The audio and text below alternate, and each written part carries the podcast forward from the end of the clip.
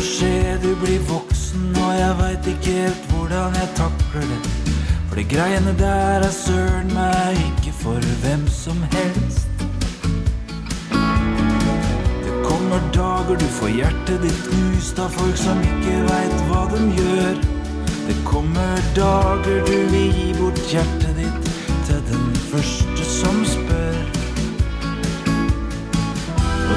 Synes jeg er teit, men jeg er egentlig ikke teit. Jeg er bare så opptatt av sånne ting som pappa skal være opptatt av. Som om jeg kunne gjøre deg skuddsikker. Gjøre sånn at alt ble trygt og bra. Hei og velkommen til Ungdomsforeldrepodkasten. Mobbing er tema i denne episoden. Mobbing berører. Det engasjerer, det gjør vondt, det provoserer. Mobbing skulle vi gjerne blitt kvitt. Heldigvis har mobbing blitt satt på agendaen både i media, hos politikere og skoleledelse de siste årene. Men hjelper egentlig tiltakene som har blitt satt inn? Hva er årsakene til mobbing? Og blir vi noen gang kvitt det? Jeg har vært på besøk hos Bodil Haug. Hun jobber som mobbeombud i Buskerud. Hun ble landets første mobbeombud da stillingen ble opprettet av fylkespolitikeren i Buskerud i 2012. Og snart skal dere få høre hva hun har å si om mobbing. Men aller først, dere, så hadde jeg lyst til å snakke med noen ungdom om dette temaet. Og jeg har fått besøk her i podkasten min av tre flotte jenter. Jeg har lyst til at dere først skal presentere dere. Hva heter dere, og hvilken skole går dere på? Og hvilket trinn går dere på? Jeg heter Kaja. Jeg går på St. Halvard videregående i tredje klasse. Jeg heter Sara. Jeg går på Svenstammen ungdomsskole i 9. klasse. Jeg heter Jenny. Jeg går på Lier videregående i første klasse. Ja, så fint. Her har vi en god spredning fra ungdomsskolen og opp til og med siste året på videregående. Aller først så har jeg lyst til å spørre dere hvordan for, For mobbing, det forekommer. Vi liker kanskje å tenke at nå har vi gjort så mange tiltak, at nå, nå er vi kvitt mobbingen, men det er vi ikke. Og det kommer vi kanskje heller aldri til å bli, tenker jeg. Um, men hvordan, hvilken form tar mobbing? Hvordan, uh, hvordan foregår mobbing uh, f.eks. på ungdomsskolen, Sara? Mobbing kan jo være at det blir At man blir kalt stygge ting, eller at man blir dulta borti sånn At jeg dulter borti noen hver dag, og gjør, man merker at man gjør det med mening, da, på en måte, for å være ekkel, liksom. Um, ja. Mm.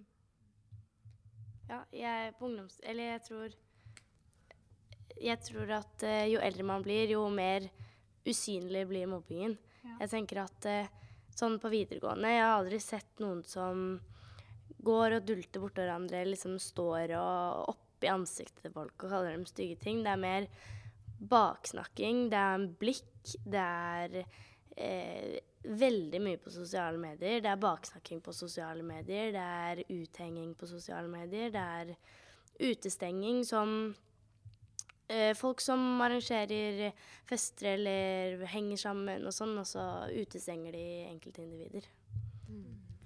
Eh, jeg merker også veldig at det er, det er, mye sånn som Jenny sa med kommentarer og sånn, at man sier ting som egentlig vil være en uskyldig, morsom kommentar, men du vet at til den enkelte personen så blir det liksom sårende, men alle rundt tenker på det som noe morsomt, liksom.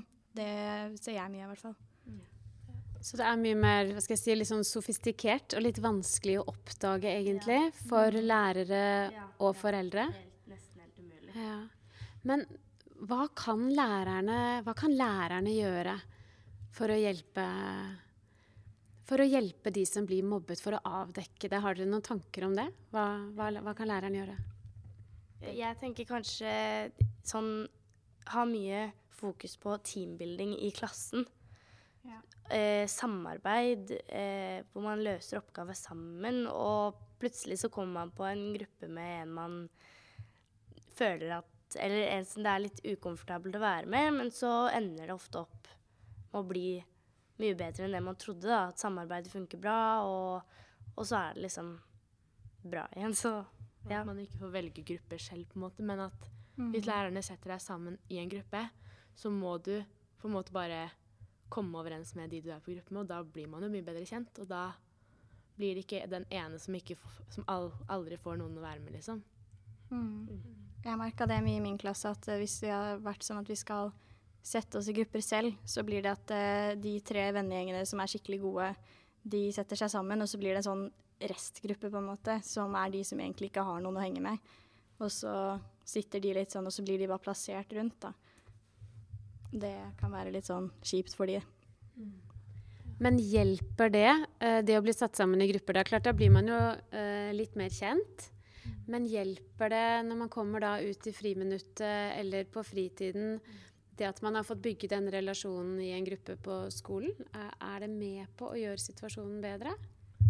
Ja, det kan gå begge veier. Jeg tenker at hvis det er noen som Hvis jeg har et veldig veldig dårlig forhold til en person, og egentlig ikke liker den personen noe særlig, og på en måte mobber den personen litt, da, så vil jo ikke jeg tenke at det blir noe bedre nødvendigvis. Det kan gå motsatt vei med at jeg er sånn Å, det er så teit at vi må jobbe sammen og sånn og sånn, og begynner å snakke negativt om personen på den måten. Men det kan også gå andre veien, at man ser at om en person er ikke så ille. Så det kan gå begge veier, tenker jeg. Mm. Og så burde det, som vi sa i stad med sosiale medier, at uh, det burde kanskje bli litt mer nettvett og litt mer sånn at man har timer om det, hvor lærerne mm. forklarer konsekvenser og har eksempler på hvordan sånne småkommentarer kan treffe en person ja, som kanskje er litt usikker på seg selv, og så får den mer kommentarer på at ja, den ikke er bra nok, da, og da kan føle seg mobba. Jeg er, helt, jeg er helt enig i deg. Det er de få gangene hvor politiet kommer innom skolen og snakker om eh, nettvett. Og ja, man får litt sånn wake-up call akkurat da, men så går det liksom en uke, og så er alt glemt. Mm. Og så er det back to business. Så jeg syns det er mye mer um, Ja, det må være et, det er et viktig tema. Mm. Det syns jeg bør være med. Det burde gjøres oftere. Min klasse hadde sånn nettvett med politiet i femte klasse, og vi har ikke hatt det siden. Det er veldig mange år siden da. så det burde være oftere. Ja. Det var et godt råd fra dere. Men dere, hva med foreldre, da? Kan foreldre hjelpe i forhold til dette med mobbing? Kan de gjøre en forskjell? De kan jo prøve å snakke med barna sine. Og man kan jo bare prøve å snakke som det vanlige om hvordan man har hatt det den dagen. Og hvis man får et såpass godt forhold til foreldrene sine, da, så kan det være at man tør å åpne seg mer og kanskje man tør å si at man har blitt mobba, da.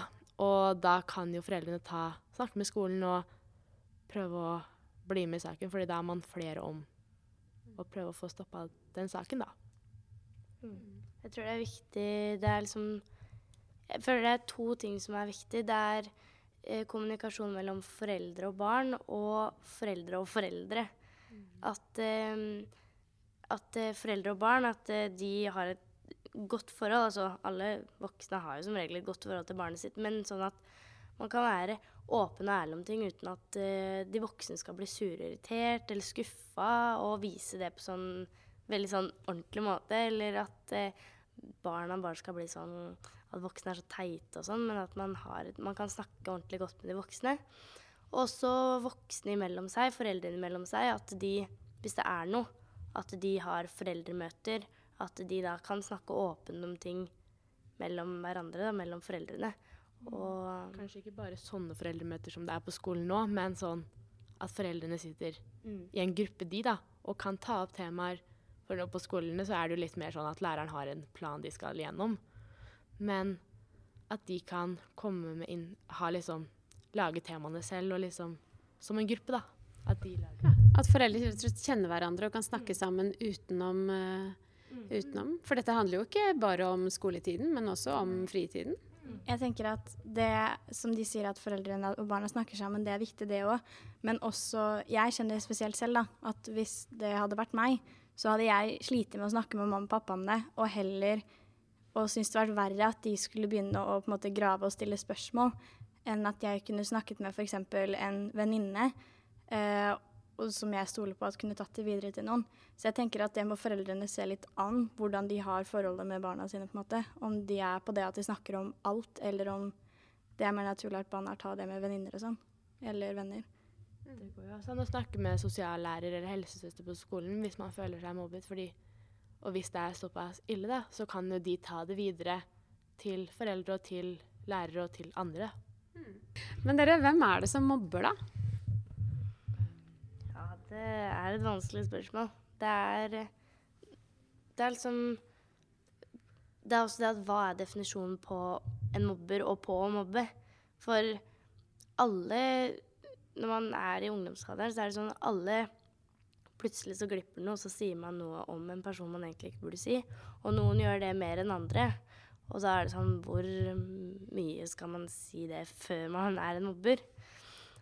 Så ja, nei, det Hvem er en mobber? En mobber kan jo være en av de som har det En som mobber har det som oftest da, har det vondt hjemme, eller har det vondt med seg selv, eller som prøver å komme seg oppover og prøver liksom, og lar det gå utover andre for å føle seg bedre. Men når du, Sara, når du sier 'komme seg oppover', da tenker jeg at jeg har snakket med andre ungdom tidligere som har, har på en måte beskrevet en sånn litt sånn usynlig pyramide som er blant ungdom i dag. Og man plasserer seg selv kanskje et sted på den pyramiden. Noen er på toppen, de er aller mest populære. Og så, og så går det liksom nedover. Og så har man en, funn, fått en plass på den pyramiden, og så prøver alle å klatre opp, egentlig. Er, er det riktig, dere? Er det, er det sånn? Det er Ja, sånn. Egentlig. Det er jo sånn, men det er, jeg, tror ikke, jeg tror ikke man tenker sånn Jeg tenker jo ikke over det, med mindre folk sier det, liksom. Så man tenker jo ikke over det sånn, egentlig. Ja, det Jo, det er helt riktig. Det er på en måte en usynlig pyramide, og det er en eh, Det er noe som er veldig tungt og vanskelig for mange, og mange vil Det har blitt en sånn ukultur, en veldig sånn dårlig dårlig greie med at eh, man vil komme høyere, og man vil være mest populær, og man vil være den som eh, Hvis man er jente, da. Man vil være den som alle guttene snakker om, og som er penest, og som er liksom sånn. Og hvis man er gutt, så vil man være den kjekkeste av de kjekkeste og sånn. Så det Ja. Det er, det er blitt sånn. Så det er rett og slett en årsak for å dytte andre ned, det er altså å komme seg høyere opp på pyramiden. Um, så det kan være en grunn til at man mobber eller trykker andre ned. Ja. Hvem er det som blir mobbet, da? Blir alle mobbet? Mm, nei, alle, alle blir jo ikke mobbet. Men jeg føler at de som kanskje er mest utsatt, er de som eh, Kanskje de som er seg selv ordentlig. De som ikke, ikke skal ha liksom de kuleste klærne. De som ikke skal behøver å bruke mest sminke eller være flinkest på å sminke seg eller har det fineste håret eller har, de, eh, har den fineste kroppen eller noe. Men de som bare er eh, ikke 100% perfekte. Fordi hvem er perfekte? Jeg kjente at det var, litt, det var litt trist å høre, egentlig. De som er seg selv, og som ikke, ikke um, ja, har de fineste klærne eller den beste sminken eller sånn, de er mer utsatt for å bli mobbet. Rett og slett. Ja, jeg tenker egentlig nesten alle kommer vel sannsynligvis en eller annen gang i løpet av livet til å føle at de blir mobba. Eh, og det også er sånn Mange snakker om sånn hva er egentlig definisjonen på mobbing og, å bli mobbet. Og det er forskjellig fra person til person. Noe jeg mener at er mobbing, kan være vanlig sånn tulling eller småerting for Jenny og hennes venninner. Så det er veldig forskjellig. Så i mitt, mine øyne da, så vil jeg si at alle blir mobbet en eller annen gang i sitt liv. Om det er hva slags type det er, om det er sånn skikkelig sånn fysisk mobbing, eller om det er på meldinger, eller om det er blikk, hva enn det er. Så føler jeg at alle blir mobbet en eller annen gang. Og så har det jo kommet en sånn, jeg vet ikke om det bare er på alle skoler, men en ny sånn paragraf i sånn mobbe... Ja, eh, som er at du føl, hvis du føler deg mobba, det trenger ikke å være over lengre tid, men hvis du føler deg mobba, så skal det bli tatt på alvor, og du, da, du måte, da blir du på en måte mobba, og da du må bare kjenne på deg selv om du blir det eller ikke, for ingen kan si det imot deg på det. Det er veldig fint. At det har blitt, for det har blitt en liten endring der. Det skal mindre til, og man skal kunne bli tatt på alvor eh, fra første daga. Og ut ifra sin e ens egen opplevelse, og ikke, mm. ikke, noen andre som skal definere om det faktisk er mobbing eller ikke. Men det er det hvis man selv opplever det mm. og kjenner det sånn. Mm. mm. Har dere noe mer på hjertet i forhold til mobbing, jenter? Nei, det, jo, det er, den, det er den pyramiden som vi snakket om, og det du sa om at det var så fælt. At, for det er disse Jeg føler det er sånn det er jo tiltak man kan gjøre for å komme høyere opp på den skalaen. Som jeg nevnte, det er Du kan gå i de dyre merkeklærne som alle har lyst på. Du kan eh, ha Du kan få kjempeflott hår. Du kan ha lange, fine øyevipper. Du kan eh, du kan ha finest kropp, du kan sminke deg pent, du kan uh, trene masse så du får masse muskler hvis det er gutt. Det er liksom det er jo det å se mest bra ut og være mest perfekt. For ja, jeg tror at ungdom, selv om man sier at det, ingen er perfekt og hva er definisjonen på perfekt, så tror jeg egentlig at alle, alle har på en måte et bilde på hva perfekt er. Man bare snakker ikke så mye om det, man sier ikke noe om det. Men jeg tror det veldig mange ungdommer definerer som perfekt, er jo de som, de som har alt. De som har de fineste klærne, de som ser best ut, de som har mest penger, de som Ja. Mm. Jeg tenker at ungdom generelt burde bli bedre på å tenke på det man gjør, da. Om det jeg gjør nå, har det noe påvirkning på den andre personen? Sier jeg noe Det jeg sier nå, måten jeg sier dette på, kan det påvirke den personen på en negativ måte? Eh, ville jeg blitt glad hvis noen gjør noe sånt nå? Eh, for det er mange som ikke tenker over det de gjør, at det kan såre noen, og bare tror at det er uskyldig. Så det tenker jeg at folk burde tenke litt over, da. Jeg tror det er viktig å ikke glemme holdt jeg på å si, mobberne oppi dette her òg.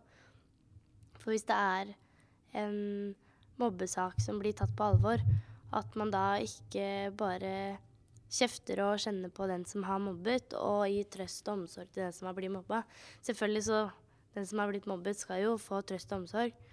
Eh, men den som mobber, man, da syns jeg man heller burde grave litt mer, funnet av hvorfor ting er blitt sånn. Kanskje ikke ting er så bra hjemme. Kanskje man er veldig usikker. Kanskje man søker eh, oppmerksomhet eller bekreftelse, som Kaja nevnte i stad. Og ja, at man da hører mobberen sin side av historien òg, selv om det ikke alltid er så lett. Kanskje mobberen ikke har et svar der og da hvis man spør, men at man da undersøker litt og har litt samtale og sånn, så det kommer fram etter hvert. At mobberen kan gå og snakke med noen, eller få ut det han eller hun har også, også har å si, da. Mm. Fordi det er viktig å høre den siden også, som Ine sa. Ja. Jeg tror også noen mobbere som blir sagt sånn 'Å, du mobber meg'. Jeg tror ikke alle liksom vet at, at, man mobber dem, liksom. For noen kan si til meg 'Å, Kaja, nå mobber du meg. Du er sånn og sånn'. Så kan jeg si 'Hæ? Men det er jo ikke å mobbe', og bla, bla, fordi jeg ikke tror det er sånn for min side. Voksne, jo, voksne sier jo ofte at eh, Å, dere ungdom, dere skal alltid Dere skal være så like, og dere skal ha de samme klærne, og hvorfor er dere ikke Hvorfor skal dere gjøre som alle andre ungdommer gjør? Mm. Men jeg tror at det er på grunn av vi går ut Vi tar utgangspunkt i dette perfekte imaget som alle har. Og etter tid, da, at det imaget har blitt likere og likere, så nå er det likt for all ungdom, og da er det ikke noe rart at ungdom vil ha den jakka eller de skoene eller se sånn ut, fordi definisjonen på perfekt er likt. Og da går man ut ifra det, og da, mm da blir man jo like, holdt jeg på å si. Mm. For jeg, jeg, bare tenker, Det snakkes jo mye om deres ungdomsgenerasjon som såkalt generasjon prestasjon. Mm. Um, for når du sier det, så tenker jeg For dere skal jo da prestere et utseende. Mm. I tillegg til at det stilles høye krav ellers. Mm. Er dette også noe som dere, dere kjenner på? Ja. ja. jeg vil si det. Det er jo ikke bare dette med utseende og være mest perfekt. Det er jo Man har jo skole. Skole som tar så sinnssykt mye av tiden din, og så har du mm. Mange trenere også som tar enda mer av tiden din, og den lille tiden du har igjen da, når du da skal bruke så mye krefter og energi på å være perfekt og gjøre det som er perfekt, og si det som er perfekt og sånn, så man blir jo utmattet. Man blir jo dødssliten i kropp og i hodet, og eh, både psykisk og fysisk. Mm. Det var jo den derre serien Sykt perfekt. Sånn, og da så man jo hvordan det var på utsiden av på skolen, da, hvordan man hadde det der. Og så fikk man følge dem hjem og se hvordan de virkelig hadde det. da, Hvordan de sto i dusjen og gråt, og hvordan de har blitt syke, hvordan de Ja. Alle sider av hvordan det er å være ungdom da, i år. Men, men kjenner du det igjen, Sara, fra ungdomsskolen? Den serien, den, den viste jo en side, men er, er det gjenkjennelig for, for deg på ungdomsskolen? Det er jo gjenkjennelig. Man har jo det presset på en måte om å være perfekt, da. Og om at man skal liksom vise til alle at man får til det man kan, og at man ser bra ut, og liksom Og så kommer man kanskje hjem og ser ikke Man ser jo ikke sånn ut. Som hvis man sminker seg og tar på falske vipper og gjør det hver dag, da, så tror jeg begynner folk å tenke at oi, nå begynner du faktisk å nærme deg perfekt. Men det er jo ikke sånn det ser ut, så man får jo på en måte det falske bildet. Ja. Mm. Jeg tenker det, også, det er litt forskjellig fra forventningene fra alle rundt også. Så som jeg som går musikklinje, det forventes noe annet av en musikkelev enn det gjør av en som går på studiespesialiserende. Så det er liksom forskjellig der også, og det kan være at mange sier å dere som går musikk, dere har det så lett, dere kan bare være som dere vil, fordi folk forventer at dere skal være rare. Uh, og det at folk forventer at vi skal være rare, det er også en forventning som vi på en måte føler på at litt sånn Folk ser liksom litt sånn der Å, men der er de, de er så teite, liksom. Selv om ikke nødvendigvis det er sånn, og vi kan være helt like, og en musikkelev kan være akkurat samme person som en studiespesiell, men fordi den går musikk, så blir den sett på annerledes. Og jeg tenker at det også er liksom litt sånn det tar litt på at man blir sett på annerledes ut fra hvilke typer linjer og sånn man går på på videregående. Jeg tenker også Det slår veldig tilbake til dette med å være perfekt. Mm. At det å være perfekt, da går du studiespes. Ja. Fordi det er det alle andre gjør. Og hvorfor det er blitt sånn, det tror jeg egentlig det er helt umulig å svare på. Hvorfor det er blitt sånn, men det har bare blitt sånn. Det er veldig sant. Det merker man. At uh, det er sånn det er uskrevne regler overalt med hvordan ting skal være. F.eks. på skolen så er det i aulaen hvordan man sitter, hvem som sitter hvor.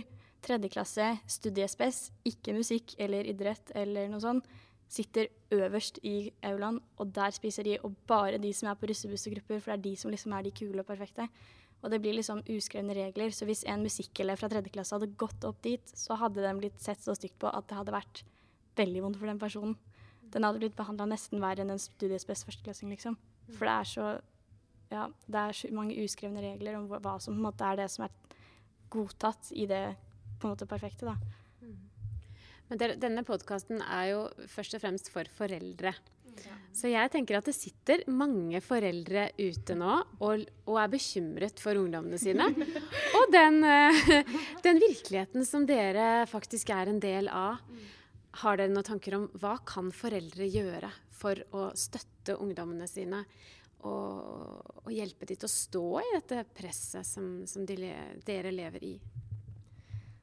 Det er veldig vanskelig spørsmål, fordi det er liksom Man vet Jeg vet ikke helt hva jeg skal svare til det. Det er som vi sa i stad, du må ha et godt forhold til barnet ditt og bare ha det så åpent som mulig. Så hvis det er noe, så vet du at ungen din sier det til deg. Mm. At den ikke går og føler på det inni. Og, og hvis, du, hvis, du, ikke har det, så gjøre små tiltak sånn sakte, men sikkert, sånn at det kommer fram til slutt. da. Mm. Det går an å finne forskjellige måter å få snakka med barna sine på. Hvis noen ikke liker den samtalen, så går det an å be barnet sitt f.eks. skrive ned da, hvordan den har det. Og hvis, hvis barnet skriver det ned hver dag, hvordan den har det, og hva som så kan foreldrene da spørre f.eks.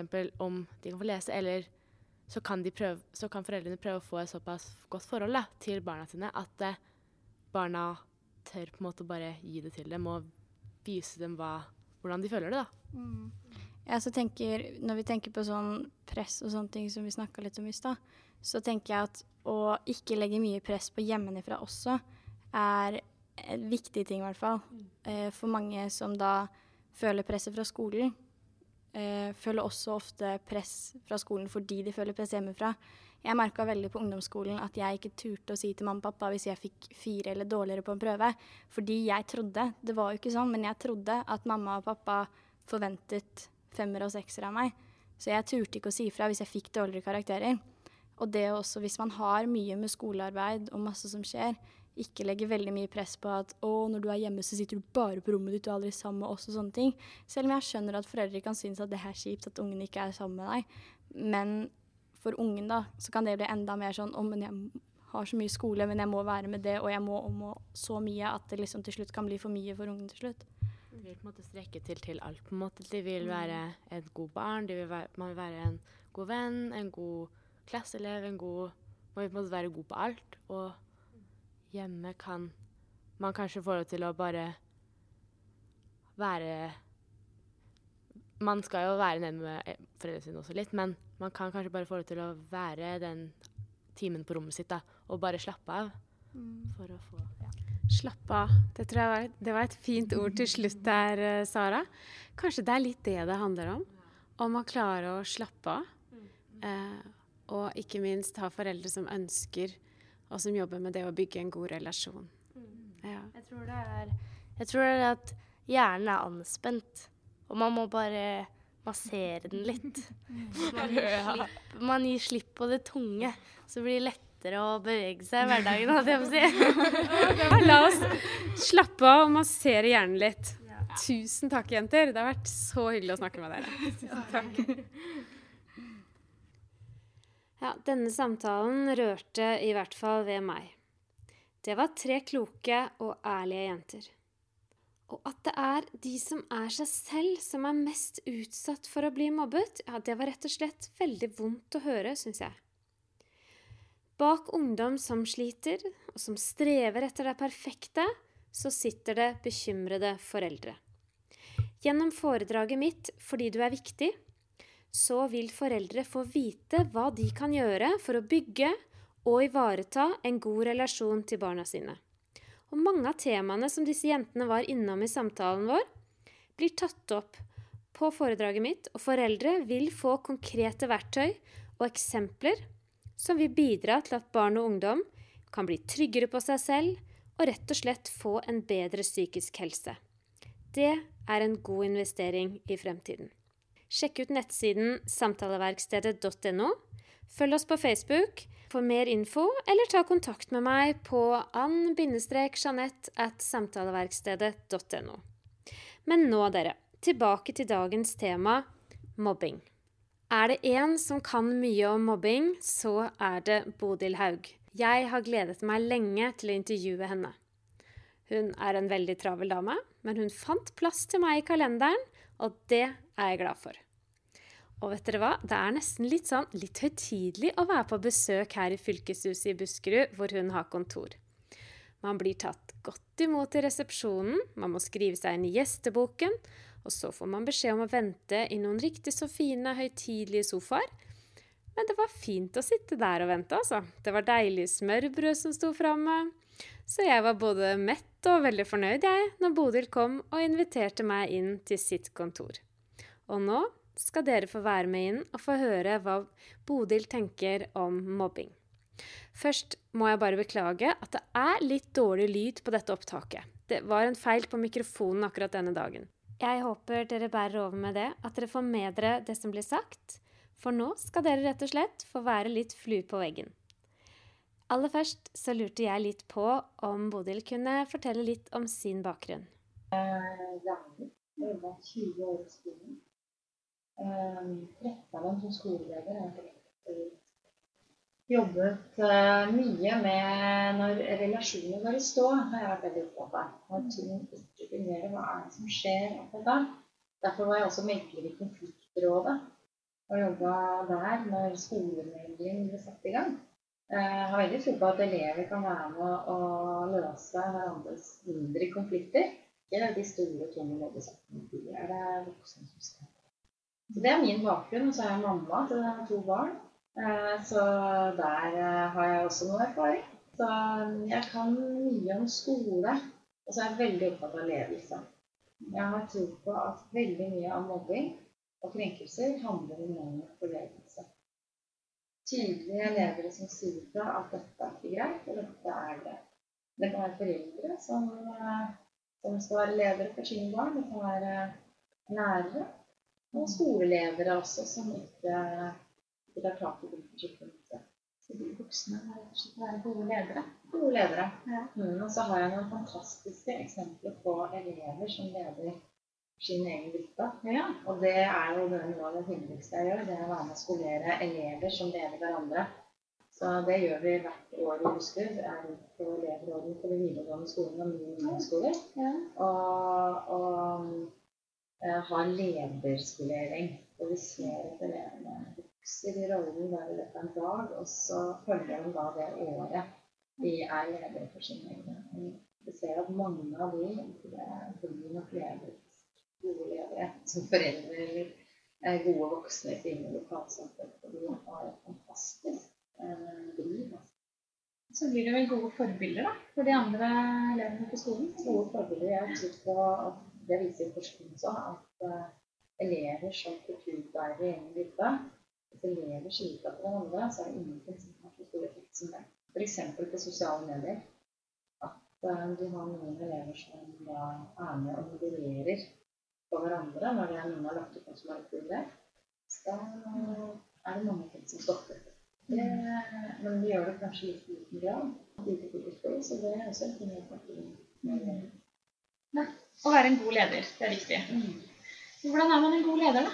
Hva gjør man når man er en god leder? Det handler jo om å ha mot til å også stå i de uvanlige situasjonene.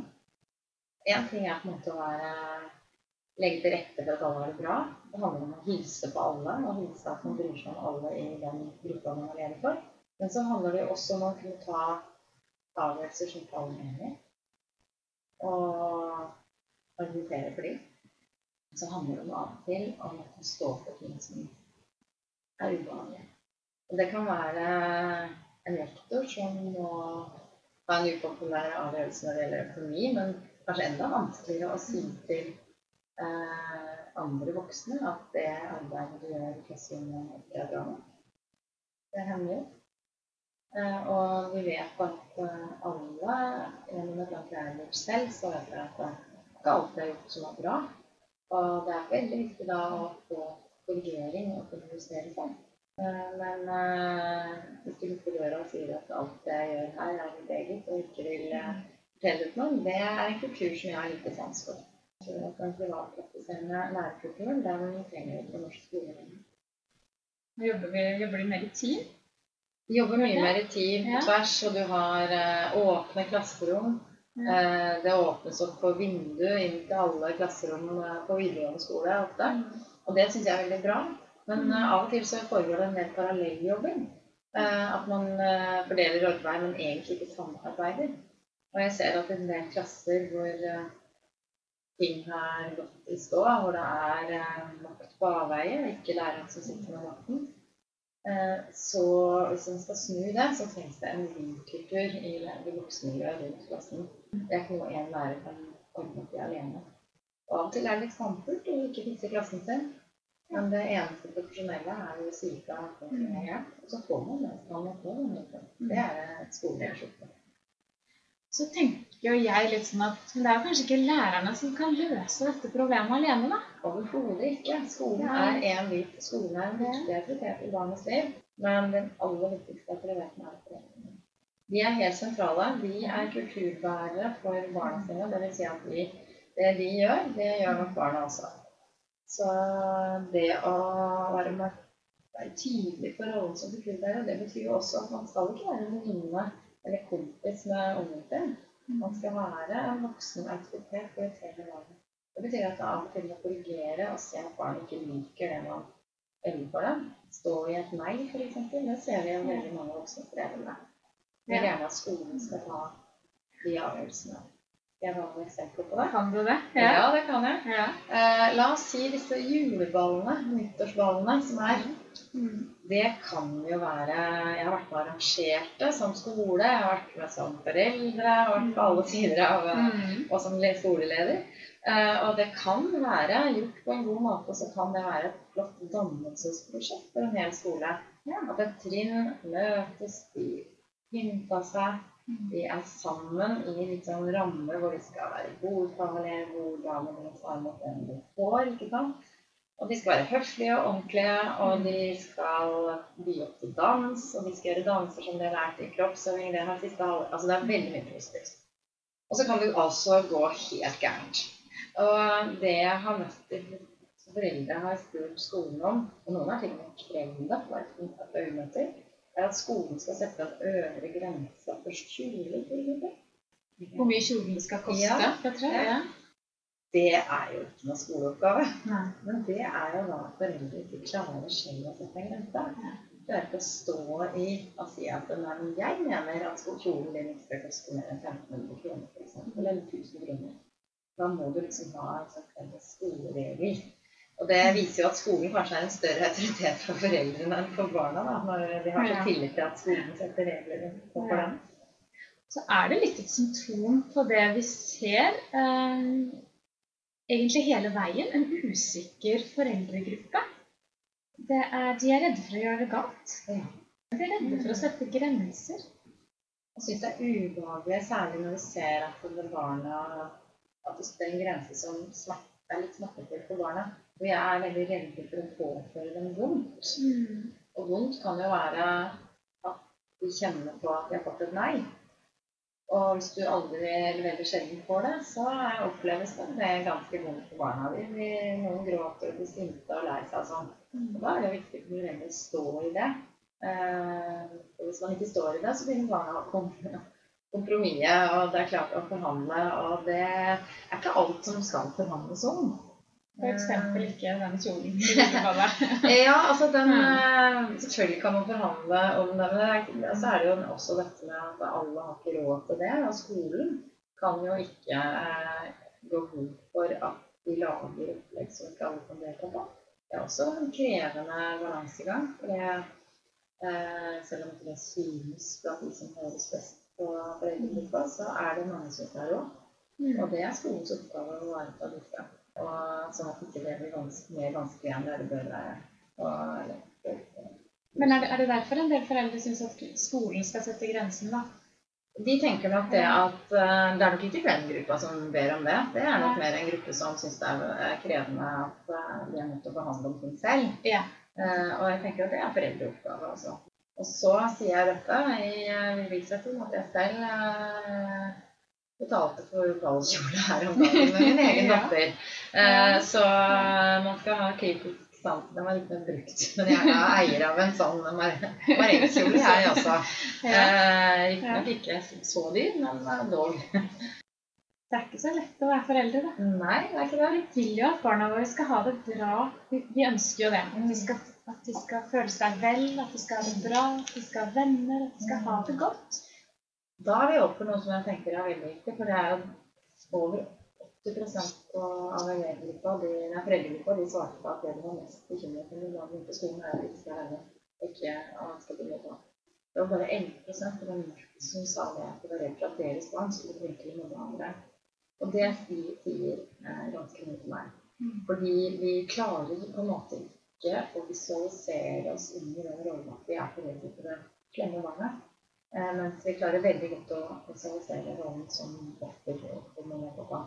Um, og jeg tror det er viktig at vi snur litt på det, kjenner litt på det. For jeg vil påstå at uh, nesten samtlige av oss er foreldre til det barnet som er med og krenker hverandre innimellom. Og så er det å håndtere det. Det er en uhyre skamfull rolle å være i. Uh, den kan nesten ikke snakkes om. Og derfor er det veldig ofte at man da går i forsvar når man får høre at barna er krenkende fordi man har veldig vanskelig å stå i en sånn situasjon. Og jeg tenker at det, det er litt så det jobber jeg med når jeg er ute på foreldremøter og. Fordi at uh, det er oss det gjelder, og våre barn.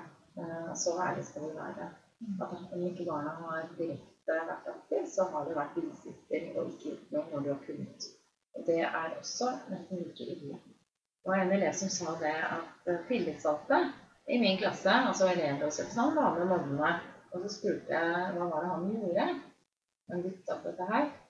Og jeg hadde møtt han gutten. Han hadde vært på leverskolering og sånn. Og jeg opplevde han som veldig positiv.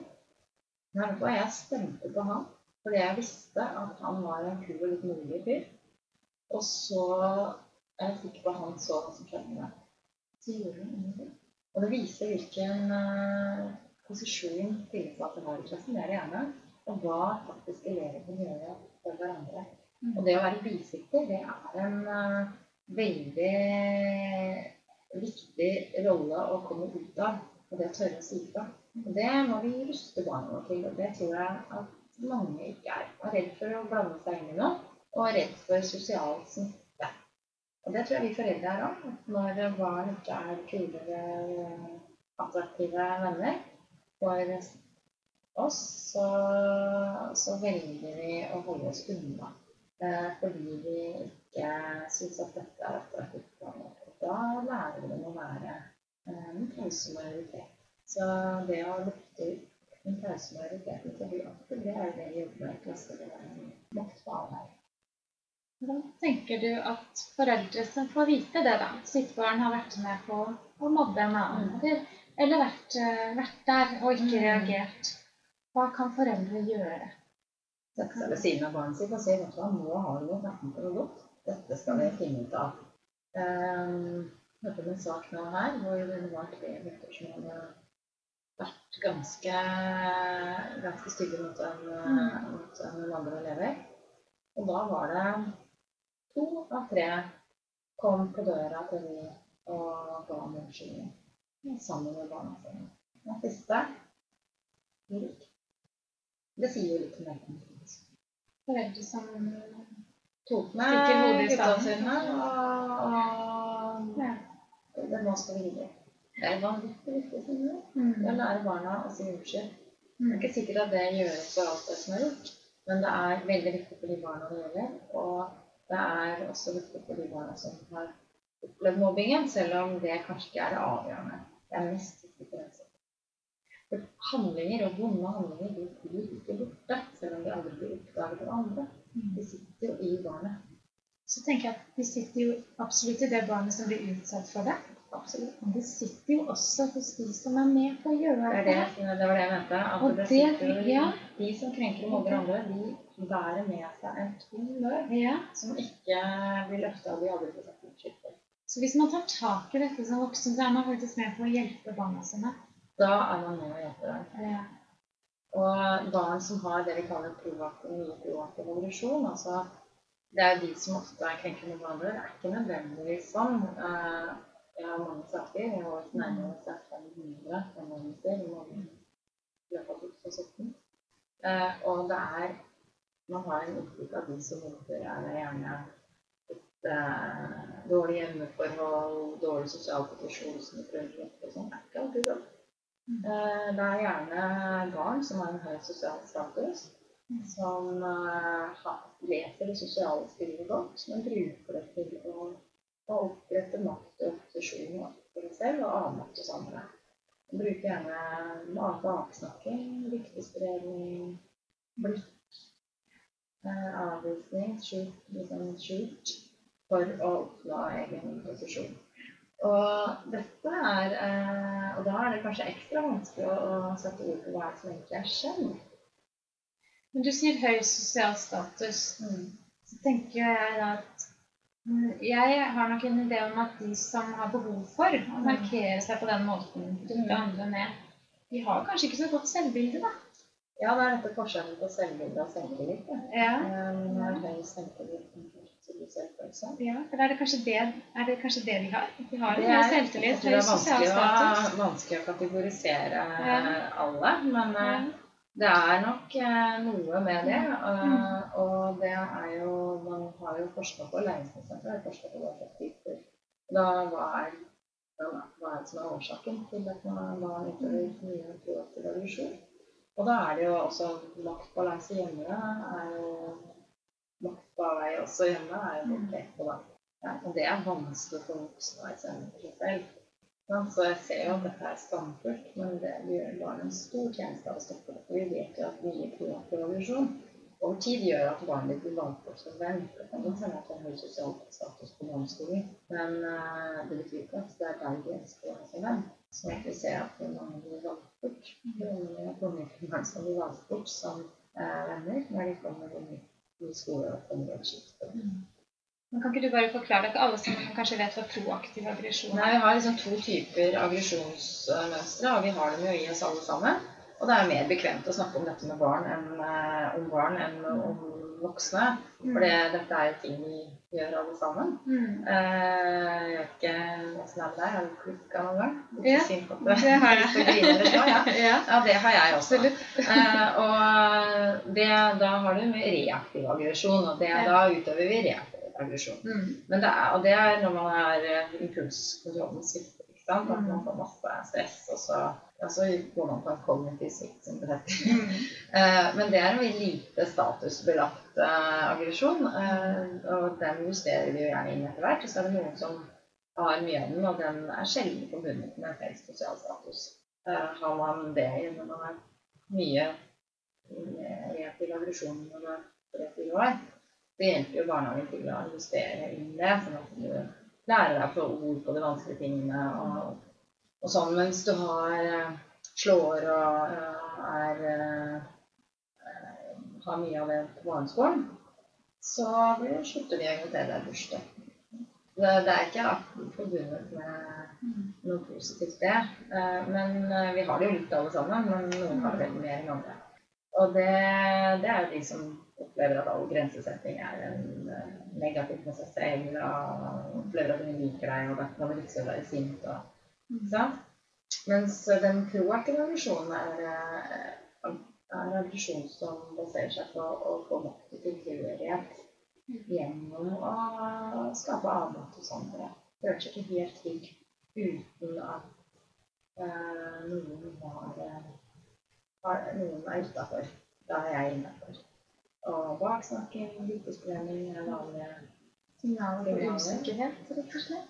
Barn som har mye av dette, de eh, er gjerne ute etter å se usikkerhet, svakhet ved eh, autoritetene som inneholder forhold til egen posisjon.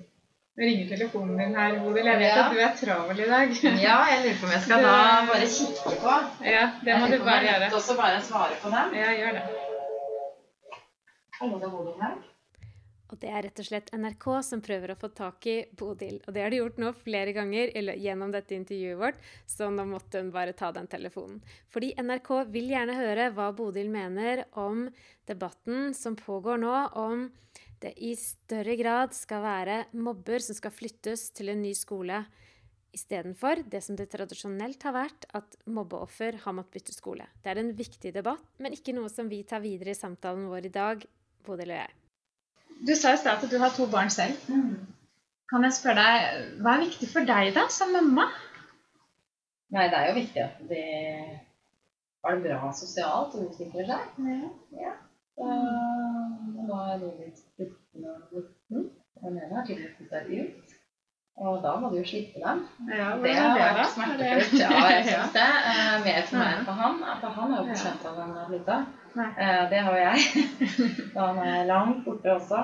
Så, men uh, alle signaler tyder på at de har det bra. Så det er eh, Men eh, det at det er bra og er i utvikling, det tenker jeg er viktig for dem. Og så har vi hatt en god skole. Ikke problemfri, men en god skole.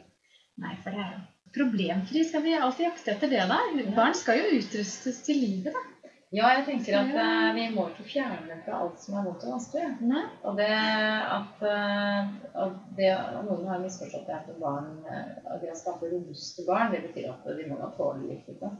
Det, vi skal, tåle, skal utruste barn til at de skal være robuste. Men det betyr ikke at de skal måtte tåle krenkelser daglig. Det er noe annet. Det er noe annet. Eh, og hvis vi tenker oss godt om vi voksne, så skjønner vi det selv også. Mm. Når vi forskjeller på det. Ja. Men vi skal ikke fjerne alt som er vondt og vanskelig. Mm. Og jeg husker fra taket mitt eget liv, så husker jeg veldig godt en dag hvor jeg hadde en veldig dårlig morgen. Hvor eh, den eh, reaktive aggresjonen hang løst. Jeg var irritert på datteren min, og hun var sur på meg. Og um, syntes at alt vi gjorde var egentlig feil hos den andre. Og så så jeg at hun sto ute i gangen og tok på seg klær og sko og sånn, med mobilen i hånda uten deksel. Så jeg eh, sa det nå kan du, ikke gjøre én ting om gangen, sa jeg. Og så forsvant jeg på badet. Og så kom jeg ut igjen, og da satt hun i trappa med hode og med noen kjempestore krokodilletårer. Og da hadde telefonen falt i bakken på prisene og knust. Og da kjente jeg jo på dette og barn har det vondt, ikke sant. Og har lyst til bare å holde rundt henne og ja, men dette skal vi ordne at jeg kjøper. Da var det den der. Tenker jeg søren heller, den skal ikke få den. Og jeg tenkte at dette, Så jeg tok meg i det, og, og dette her skal vi rydde opp i sammen. Eh, Du skal dekke den, jeg kan hjelpe deg å få gjort det. Ikke sant? Uh, og, for det er noe med ikke fjerne For jeg også kjente det var veldig trang for nå må jeg ta bort alle, all vondten fra deg. Og det må vi ikke gjøre. Nei, det tror jeg også Jeg tror vi tåler å ha det Ja. vondt, men ikke må, vi må kjenne på hvor vondt vi orker å ha. Og det å tåle at du har nødt til å dekke din egen mobiltelefon ut fra lommepengene dine, det har de har, de- har ikke lov til. Nei, jeg tror vel at så lenge, så lenge de kjenner på trygghet, og kjenner på at vi er glad i dem for den de er, um, så lenge, lenge de har den tryggheten i seg, så tåler de nok å måtte betale for eh, reparasjon av telefon og, og kanskje også at ikke de får den best fineste ballkjolen. Absolutt. Det, Det også. Ja. Man møter seg selv i døra litt, Ja. men det, det å tåle Og jeg, da kjente jeg så veldig på den der, min egen da, behov for å fjerne smerte. Mm. jeg ser mange eksempler. Til. Hvordan vi på en måte glemmer å la barna gjøre egne erfaringer på egen hånd. Jeg satt og så på en sånn treningssituasjon med noen barn her. Og da var det at de skulle stå i, de sto i kø og ventet til å gjøre noe. Og så, da det var deres tur, så ilte foreldrene som da satt og så på hele Dette var fem-seksåringer. Eh, ilte foreldrene til og skulle ta bilde mens de eh, var på. Og, og få tilbakemelding. 'Se hit, se hit.' Ta det. Og det har gått med. 'Å, så flink du er', roper mor og far fra rekka. Eh, og da tenker jeg at eh, det mestringsopplevelsen forsvinner i å få anerkjennelse fra foreldrene sine. Det er det. At eh, disse foreldrene, de, det var tre foreldre av de tre eh, som jeg satt og så på. Og jeg blir jo litt yrkesskada når jeg jobber sånn som jeg gjør, så jeg ser jo sånne ting overalt. Men jeg tenkte så mye på det etterpå. Hva er det disse foreldrene gjør med barna sine? De, det å mestre seg selv ikke er nok, de må i tillegg få anerkjennelse, tommel opp og et bilde fra foreldre. Og det var litt sånn trist. Og det som var enda tristere, var at det to av de barna var, som jeg nevnte, de hadde veldig vanskelig med å akseptere at de skulle stå i kø. De trengte å øve mye. Og det, disse foreldrene var med å ødelegge det. For de forstyrra hele tiden. Det, det. De var inne og liksom ja, anerkjente sine barn. Og den anerkjennelsen trenger vi ikke heller. For det er kanskje med på å styrke selvfølelsen. De får høre at de er kjempeflinke, og vi kan ta bilder hjem og vi kan minne opp og si 'dette gjorde jeg denne uka', sånn. Det er flink. Men det, altså det å sitte og kjenne på at ja, jeg klarte å holde det var tullsituasjonen der. Men det, jeg klarte å holde balansen og kjente på det, og da var jeg litt redd for jeg skulle falle ned. og den, jeg. Eh, den må jeg ha blitt helt borte i eh, smaken. Dette er en, den moderne tids utfordring. Og da kan man jo spørre om det er anerkjennelse for barnets egen skyld, eller at foreldrenes behov for anerkjennelse. Sope glass med en gang. Det er en vond tanke. Ja. Den er vond, men den er absolutt eh, aktuell. Ja, og den tror jeg vi må tørre å kjenne på som foreldre. Som om jeg kunne gjøre deg skuddsikker. Gjøre sånn at alt ble trygt og bra. Ja, dere, det var dagens episode. Jeg håper du likte den. Del den gjerne med venner og familie og alle du møter, sånn at flere får vite om Ungdomsforeldrepodkasten. Og gå gjerne inn på iTunes og rate den der. Gi den noen stjerner. Det blir jeg veldig glad for.